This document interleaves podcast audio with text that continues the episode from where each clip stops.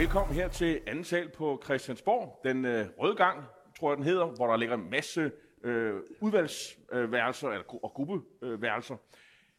Det, der er jo sket i går, Lars, det er det, vi har ventet på øh, rigtig længe. Der kom et øh, finanslovsforlig, og måske overraskende for mange, så var 11 ud af 12 af Folketingets partier faktisk med i det der øh, finanslovsforlig.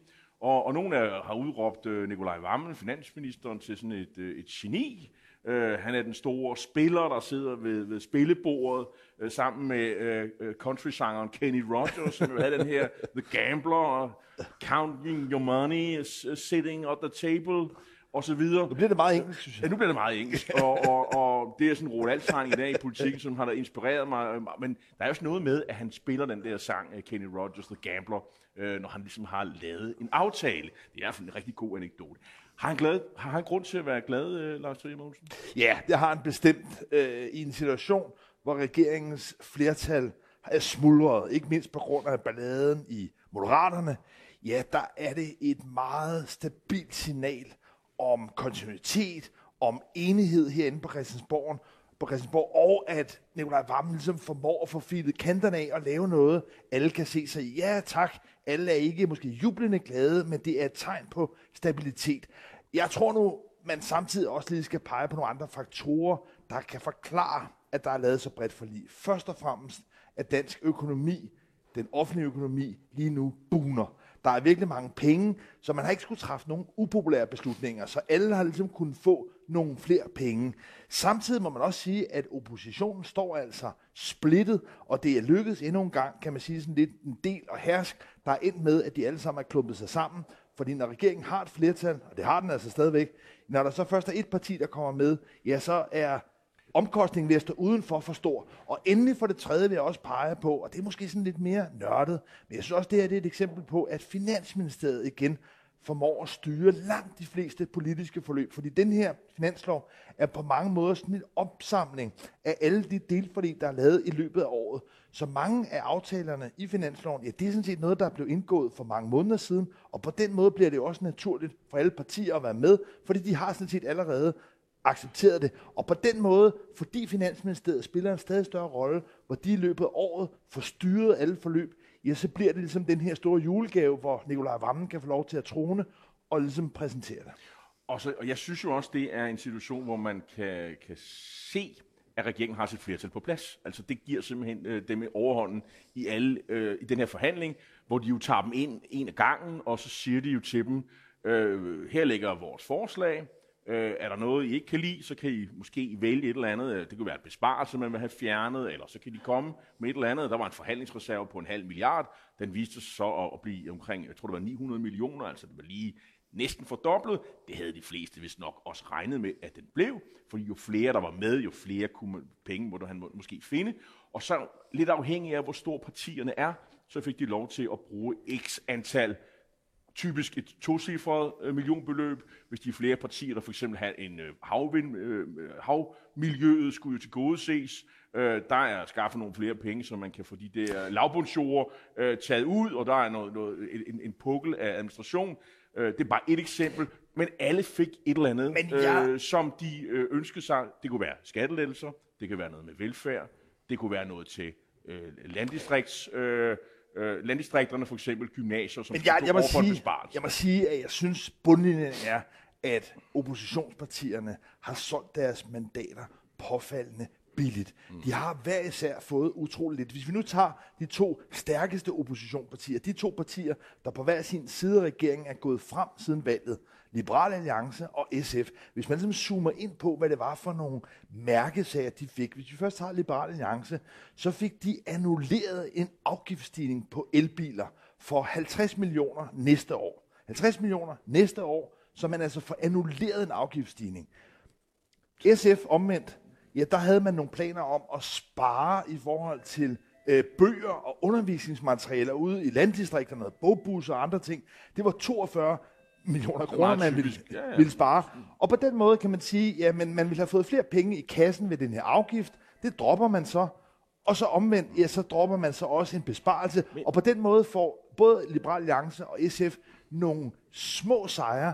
Men i det store hele, ja, der er det bare status quo. Og det er jo billigt sluppet af regeringen. Men regeringen, det som regeringen får ud af det, det du siger, se hvordan vi formidler folkestyret. Se altså, angrebene mod os, at vi øh, er bare sådan nogen, der kører selv og overhovedet ikke lytter til folketingspartier.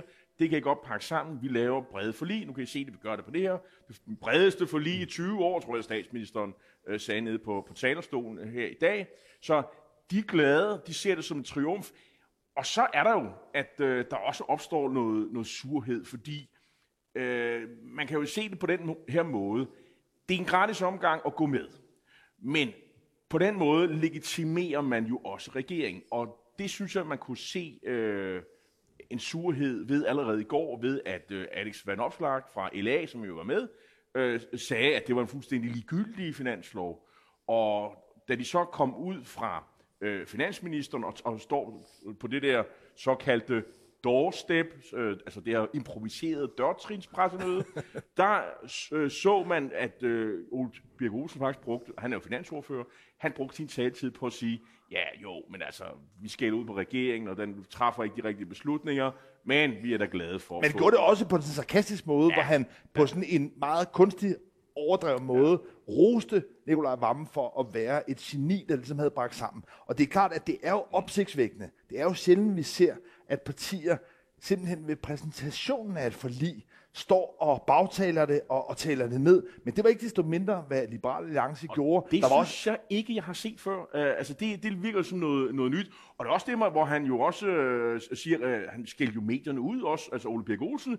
Se, uh, uh, finansministeren er det store geni, I falder for det hver gang. Uh, altså han mente, at uh, os og pressen og alle, der kigger på, vi er sådan uh, offer for finansminister øh, Nikolaj Vammes store spænd om sig selv, og så, selvfølgelig er der lidt om det. Det er, jo ikke, det er jo ikke, fordi man helt kan afvise det. Men LA fremstår jo sure, utilfredse, og man kunne vel godt spørge sig selv om, jamen hvis I er så sure, hvorfor var I så der? Altså, det var i hvert fald det spørgsmål. Di, dilemmaet er i hvert fald, jeg kan godt se dilemmaet for LA, de vil jo gerne være oppositionspartiet, der vil ændre tingene radikalt, Samtidig vil de også gerne være partiet, der ligesom er ansvarlig, kommer ind og får indflydelse. Her vil de lidt begge dele. Og kan, det var, man det, kan man det, Lars? Ja, det var i hvert fald ikke noget, som Mette Frederiksen kvitterede for med stor Nej, begejstring. Der har lige været uh, spørgeteam nede i Folketingssalen, det her, der er uh, cirka hver 14. dag, hvor alle partilederne kan stille spørgsmål til Mette Frederiksen. Og Mette Frederiksen var i virkeligheden lidt mere angrebsivrig. Hun stillede spørgsmål den anden vej. Og til ikke mindst Alex Vandopslag fra Liberal Alliance, der var det, hun udfordrede og sagde, at det var respektløst, mm-hmm. den måde, de havde håndteret det i går. Og der er ikke nogen tvivl om, at den reaktion, vi så fra Mette Frederiksen, synes jeg bærer præg af, at der måske også i regeringen er en eller anden opfattelse af, at nok var det dejligt og bekvemt med et signal om bredt samarbejde, men det måske også er blevet for bredt, mm. at man godt kan forestille sig i det videre forløb, nu har vi også en skattereform, der er ved at blive forhandlet, at man måske i virkeligheden vil skære det lidt mere til, så man undgår, at der står nogen lige frem og altså taler det ned ved præsentationen. Og der kan man sige, at der har Liberal Alliance jo meldt sig, meldt sig ud, men kan man forestille sig, øh, at regeringen overvejer simpelthen at sige, de der sådan, uh, gratis omgang, det kan godt være, at der ikke ligger noget i, i for eksempel en finanslov, hvor vi stort set kun deler penge ud, og vi krasser ikke rigtig nogen ind, øh, som går øh, ondt på nogle nye. Øh, de der sådan, forestillinger, der, dem reserverer vi lidt til dem, vi egentlig gerne vil have med, øh, sådan så vi slipper for at høre Poul Birk og Alexander Opslag øh, øh, dolke sådan et forlig bagfra. Fordi sådan oplever de det jo. Ja, altså jeg, jeg tror, der er lidt forskelligt. Altså i den forrige regeringsperiode, altså hvor det var en ren socialdemokratisk regering, der var, og det var der Nikolaj Vammen opbyggede sit omdømme som den her, kan man sige, ekvilibristiske mm. forlismager. For der formåede han sig at zigzagge og lave flertal både med de blå og med de røde og på midten, og i det hele taget kan man sige, spille partierne meget ud mod hinanden. Med den her regering, ja, der har man måske også lidt givet af, at der internt er uenigheder, altså mellem Venstre, Socialdemokratiet og Moderaterne. Der har man strabt meget mod hele tiden at få så mange med. Og jeg tror i hvert fald, i Socialdemokratiet er der nok et ønske om at vende lidt mere tilbage til den gamle metode, hvor man spiller partierne ud, og hvor man får nogle også måske dermed lidt klare forlig. For fordi problemet med det her meget brede samarbejde er, at det også fuser ud, at det klare indtryk af sådan en finanslov, ja, det er lidt diffust hvor jeg tror i hvert fald i Socialdemokratiet, men formentlig også i Venstre, afhængig af, hvad det er, hvor balancen ligger, at man sådan godt kunne tænke sig nogle lidt klare markeringer. Men fremme venter jo også en, en aftale om, øh, om skat, Øh, jeg hørte statsministeren sige i dag, at øh, der kunne gå måske nogle uger. Øh, nu får vi jo se, der skal jo ske en hel masse i, i næste uge, ved vi. Der er jo anden og tredje behandling for koranloven. Øh, man skal også have første behandling, øh, øh, mener jeg der, er måske anden og tredje behandling, også på det her beslutningsforslag, der handler omkring, øh, hvorvidt at det er Folketinget, der skal lave den her FE-undersøgelse, eller om den skal, skal som regeringen vil, øh, foregå øh, med den her dommerundersøgelse med, med, med, med, med, med vidner, og hvor det hele er lukket af. Det er de to ting, der ligesom diskuteres, hvor, hvad skal man sige, regeringen tæller alle mandaterne, øh, Mike Fonseca og Jon Steffensen, og hvem der ellers kunne, kunne finde på at støtte regeringen. Vil de radikale være med omkring koranloven?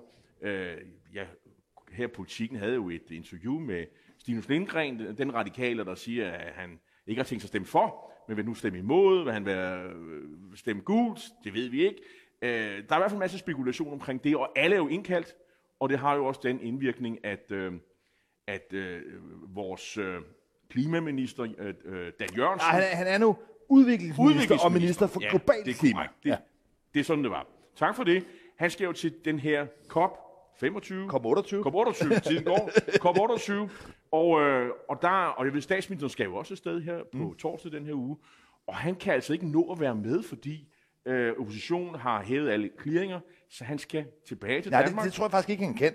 Fordi Nå. han har den øh, helt særlige rolle på COP28, at han sammen med den sydafrikanske energiminister skal lave i virkeligheden den sådan statusredegørelse på de nationale klimamål. Så han sidder, kan man sige, i virkeligheden som EU's Jamen, repræsentant i Dubai. Hvad gør regeringen så, øh, hvis han sidder dernede og, og skal være med til at styre COP28? Ja, altså de kan jo øh, for det første for, altså, satse på, at de har nogle stemmeaftaler på plads. Mm. At de rent faktisk har nok eksempelvis radikale, som er med til at stemme. Og det kan være, at der så ligesom bliver lavet nogle flere lokumsaftaler, som man jo allerede har lavet, men også med Jon Steffensen. Så jeg mm. tror, man holder hus med mandaterne. Men man er ikke helt sikker. Man er ikke helt sikker. Og, og, og det vil sige, der er en spænding, og vi har jo nogle, øh, som sige, histori- nogle historiske eksempler på, at folk er løbet tør for benzin og, og kommet ind, og så er, er regeringens øh, kommet i mindretal, og så sker der ting og sager. Og noget, jeg, der, jeg, jeg siger ikke, det er det, der sker nej, noget, der, noget, der er en men, joker, noget, der er en joker, det er, at der er faktisk et mandat i oppositionsblokken, mm. som er sygemeldt lige nu, uden at der er kommet en supplant ind, og det er Peter Seier Christensen fra Nye Borgerlige, som desværre er alvorligt syg, som ikke Altså, han er ikke formelt sygemeldt, men han er ikke til stede, fordi han er syg. Og det gør i sig selv, at der er en usikkerhed om, hvorvidt han kan komme ind og, og stemme. Når han ikke har fået en supplant ind, ja, så er det fordi, at hende, der rent faktisk ville komme ind i stedet for Peter Sejer, ja, det er hende, der hedder Henriette Erkemann, som har stiftet et nyt parti, og som mildt er en kontroversiel skikkelse, øh, og som Pernille Vermund under ingen omstændigheder vil have ind i Folketinget. Men det er bare for at sige, at på den måde er vi altså helt derude i næste uge og til på knapper. Ja. Altså fordi, at Dan Jørgensen ikke kan komme hjem, og vi har et sygt medlem af øh, Nye Borgerlige. Det kan være, at det går ud mod hinanden, men det er i hvert fald noget, der bliver et drama. Spændingen øh, stiger, og det meget mere om det i, i, i næste uge.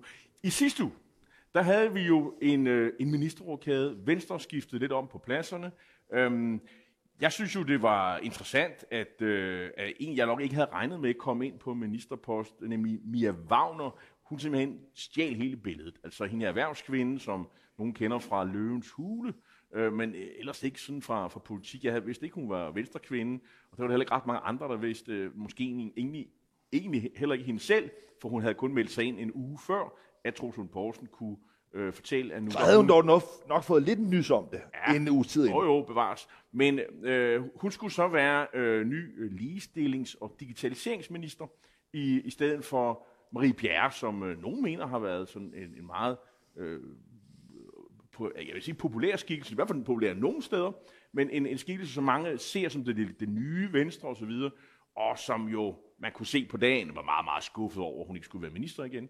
Og så er det jo så, at deres øh, Venstres politiske ordfører, Morten Dahlin, øh, skal være en ny minister i stedet for Louise Schack Elholm på, ja, nu bliver det langt, nordisk, øh, og, og hun minister for nordisk samarbejde, og for Hvad har vi mere? Hvad har vi Ja, mere? kirke, og så både... Kirke, ja. Men så det nye var, at det var landdistrikt. Og landdistrikt. Og by. By, by og Og- landdistrikt. ja. Ja. Det er det, det, der er svært ved, fordi det laver det hele tiden Men jeg- jeg må Så det vil sige- sige, det er sådan et rodet sammen ministerium med alt muligt godt for havet. Det skulle han øh, være min- minister for. Og så er, bare for at lige gøre det færdigt, Stefanie Lose skulle selvfølgelig være øh, økonomiminister. Men jeg synes, det mest opsigtvækkende ved den her rokade, som jo var Troels Lund Poulsens første sådan store skaktræk i dansk politik, det var i virkeligheden det, han ikke gjorde. Det, at en Jakob Jensen forblev som øh, landbrugsminister, at en Thomas Danielsen forblev som transportminister, og at han samtidig gjorde Thorsten Schack til politisk ordfører. Det er for mig et eksempel på, at Troels Lund i virkeligheden freder sine private venner, nogle af de folk, han har et loyalitetsforhold til. Og det er i hvert fald noget, jeg synes kan blive en meget skrøbelig strategi. Normalt vil det være sådan, at partiledere er nødt til at tage hensyn til de fløje, de grupperinger, der er i et parti. Og her er det altså, at Troels Poulsen i virkeligheden prioriterer at værne om nogle af sine øh, mest fortrolige. Det er ikke noget, der typisk er nogen spil- Ja. sikker øh, vej. kunne godt tænke mig at lige udfordre den. Altså, Jakob Jensen har jo ligesom gjort sig til lidt en landbrugsmand i, i regeringen. Det synes jeg, man, man, kan, man kunne fornemme. Nu Og øh, får- men ja, vi- får vi besøg af statsministeren igen i dag. Ja, ja. Igen. ja. øhm, og, og, og, det, og derfor så tror jeg ikke, han bare sådan kan flyttes. Altså, fordi han- har den øh, position, så skal en ny person køres ind i det. De står lige over for de her øh, øh CO2-afgifter øh, på landbruget, som jeg i øvrigt kan forstå nu først kommer, altså i hvert fald det udvalg, som har arbejdet med det, de har faktisk nævnt, eller øh, kommet i dag og får fortalt, at det bliver først til februar, altså det her svareudvalg, opkaldt efter en økonomiprofessor for Aarhus, øh, at, øh, at det, det er først til, til, øh, til, til februar. Skifte ham ud på det her tidspunkt, jeg ser, det vil være en, dårlig idé simpelthen. Øh, og så har du så, altså han er så fødevare- og landbrugsminister, og så har du så Thomas, Danielsen, øh, transportminister. Han er jo også en støtte tidligere gruppeformand, og han er fra Jylland. Øhm, det ser jeg heller ikke rigtig for mig. Øh, jeg tror også, at han er tilpas stærk. Han repræsenterer stærke vælgergrupper i, i Jylland. Vælgergrupper, som man i øjeblikket er bange for smutter til Inger Støjberg. Det er bare for at forklare, hvorfor han måske ikke har flyttet dem rundt. Så er det så øh, Marie Bjerre, som øh, mange ved har været en, en, en populær skikkelse og har haft måske nogle synspunkter på ligestillingsområdet, som jeg tror ligger sådan lidt til venstre sådan i forhold til, hvad øh, Venstre normalt Ja, mener og derfor synes jeg, at man kan tillade sig at konkludere, at det, der ligesom virker til, når man vurderer hans manøvre, det der er Troels Lund Poulsens strategi, det er i virkeligheden at prøve at holde på de folk, der lige nu stemmer Venstre, de her cirka 8 procent, og så i virkeligheden spille meget massivt til det landbrugsvenstre. Det, der undrer mig, det er, at Venstres store problem er, at man har mistet vælgere. Man har blandt andet mistet mange af de vælgere, som for eksempel kunne være tiltrukket af en Marie Bjerre. Mm-hmm. En altså, øh, begavet, men, Men- men, kan man sige, altså øh, moderne venstrekvinde, som har en appel, som rækker langt ud over både Thomas Danielsen og Jakob Jensens altså men, jyske men, landbrugsprofil. men hvor man taber noget, så vinder man måske også noget. Altså, Hvad kan forstå, man- for, hvad- forstået på den måde, Morten Dahlin kommer ned fra Køge, taler u, ikke lige fra jysk, han taler meget københavnsk, øhm, altså, og er en god øh, debattør. Jeg tror simpelthen, at han skal ind og være landdistriktsminister. Øh, og, og han skal også bruge det der ministerium til, til noget offensivt, og det startede han jo sådan set også med, ved at begynde at, at mene, at øh, sådan kirkeministeriet skal ligesom være sådan en, øh, en platform, hvor han ligesom øh, skal tordne mod øh, øh, altså, øh, muslimske mørkemænd i Danmark, og sådan noget, for at sige det på den måde. Og så skal han selvfølgelig også forsvare regeringens landdistriktspolitik, som kommer lige om lidt, og som Louise Schack Elholm har jo brugt øh, det sidste halvår på at lave mere. Øh, 200 millioner skal fordeles. Man har formentlig vurderet, at hun kan ikke løfte den opgave, og, og, i, og have den debat med Inger Støjberg. Og der skal være en, øh, en person, der er stærk, øh, en, en debatstærk person, og han er den bedste til det. Og der skal han så være formentlig et halvt års tid. Men samlet set- Indtil, indtil ja. for min sidste pointe, indtil at, og det har regeringen jo allerede signaleret, at øh, der kommer endnu en rokade her sommer. Men samlet set en meget, meget svag ministerrokade af Troels Poulsen, hvor meget defensivt, hvor han primært, kan man sige, har sendt det signal, at han kan man sige, belønner dem, der er loyale, dem, der er tættest på ham, og hvor der ikke, og det er det afgørende, hvor der heller ikke ligesom er nogen nye offensiv politiske signaler. Og det, der har kendetegnet ministerrokæder ret konsekvent, det er, at hvis der ikke samtidig er et politisk kursskifte, en markering, ja, så er det noget, der hurtigt fuser ud. Og her må man sige, at Troels Poulsen, han havde i hvert fald ikke viljen til at bruge den her øh, rokade ja, måske, til at markere sig politisk. Måske man måske skulle lige komme ham en lille smule i møde ved at sige, han havde formentlig øh, en plan A, der handlede om, at mange af de her ministerposter, som jo er nogle Jacob Ellemann har forhandlet og fået og, og, og har taget og har prioriteret, ikke mindst forsvarsministerposten, jamen den forsøgte han og, og Socialdemokraterne med til at, at ligesom lave en, en større rokade. Det lykkedes ikke. Han sad simpelthen i saksen. Han sad med de ministerposter, han havde. Han kunne ikke komme af med det der forsvarsministerpost. Og så skete der pludselig en forvandling, havde man ligesom en fornemmelse af, pludselig var Troels Lund enormt glad for at være forsvarsminister. Der var målinger, der viste, at Venstrefolk var rigtig glade for at have en forsvarsminister. Han følte sig så godt hjemme. Og Øhm, og, og så var det også meget vigtigt med det her sikkerhedsaspekt, øh, altså det her, man havde et ministerium, der var med øh, omkring det sikkerhedspolitiske i regeringen, og hvis man nu vækstede den forsvarsministerpost til, siger bare noget andet, noget erhvervsministerpost, jamen så røg man ud af loopet, og så var man ikke rigtig med. Det er i hvert fald en af de forklaringer, der men, var. Men, om, om, men altså, for mig at se, det der var det geniale ved den, af, af den øh, rokade. Geniale lige Ja, lige det geniale. Altså kommunikationsmæssigt. Det var, at øh, Mia Wagner simpelthen stjal billedet. Øh, pressen var helt fuldstændig optaget af Mia Wagner. Det handlede om Mia Wagner de første 24 timer. Ja, eller måske de første øh, 50 minutter, fordi det, der skete ved overdragelsen, det var jo, at Marie Bjerre faktisk overstrålede hende. Men det var da et mange, og så, Lars. at Mia Wagner på mange måder altså havde problemer simpelthen med at fungere politisk. Det var en ny virkelighed. Hun virkede nervøs. Jeg tvivler på, at der men, er specielt store men, genialiteter gennem det. Men det befolkningen sad jo ikke og kiggede Nej, men det man i hvert fald, synes jeg, kan konkludere, det vil jeg tillade mig at gøre her, det er, at Mette Frederiksen, som var forbi her lige før, og Lars Løkke, de kan være ganske fornøjet med, at Troels Lund Poulsen men, ikke viser men, som en dygtig magtspiller. I men, hvert fald men, kan man sige, Lars, er, er magtbalancen genetableret. Det er Mette Frederiksen, men, Lars Løkke, der styrer den her regering, og Troels Lund har ligesom endnu en gang cementeret, at ligesom Jakob Ellemann var det, så er han også mere tredje hjul. Men Lars, hvis man er venstremand, så vil man sige, det kan godt være, at Lars Trier Mogensen siger alle de der negative ting, og jeg er kortet for den sags skyld, og, og vi er kritiske, og, og, og så videre, så videre. Men så vil man kigge på Voxmeter, der kom i går,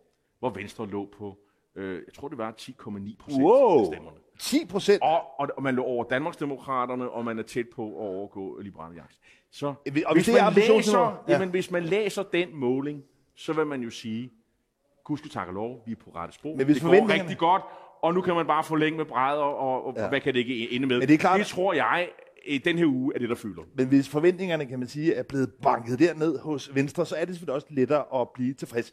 Men vi går ind i en øh, ny uge, hvor der kan komme drama. Vi må se, om alle når ind og har benzin på bilen, og når ind til afstemningen af næste uge. Men i hvert fald en uge med en meget, meget bred finanslov. Tak fordi I så med.